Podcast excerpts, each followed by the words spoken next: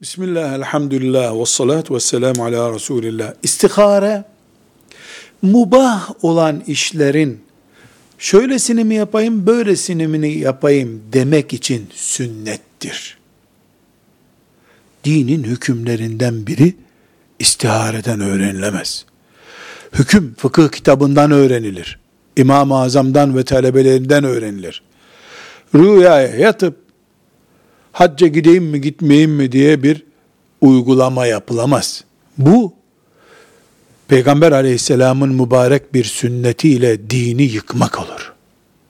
Hükümlerin kaynağı yani din nedir? Allah ne emrediyor, neyi yasaklıyor buna hüküm diyoruz. Bunun kaynağı istihare değildir. Fıkıh kitaplarıdır. Alimlerdir, müştehitlerdir. Velhamdülillahi Rabbil Alemin.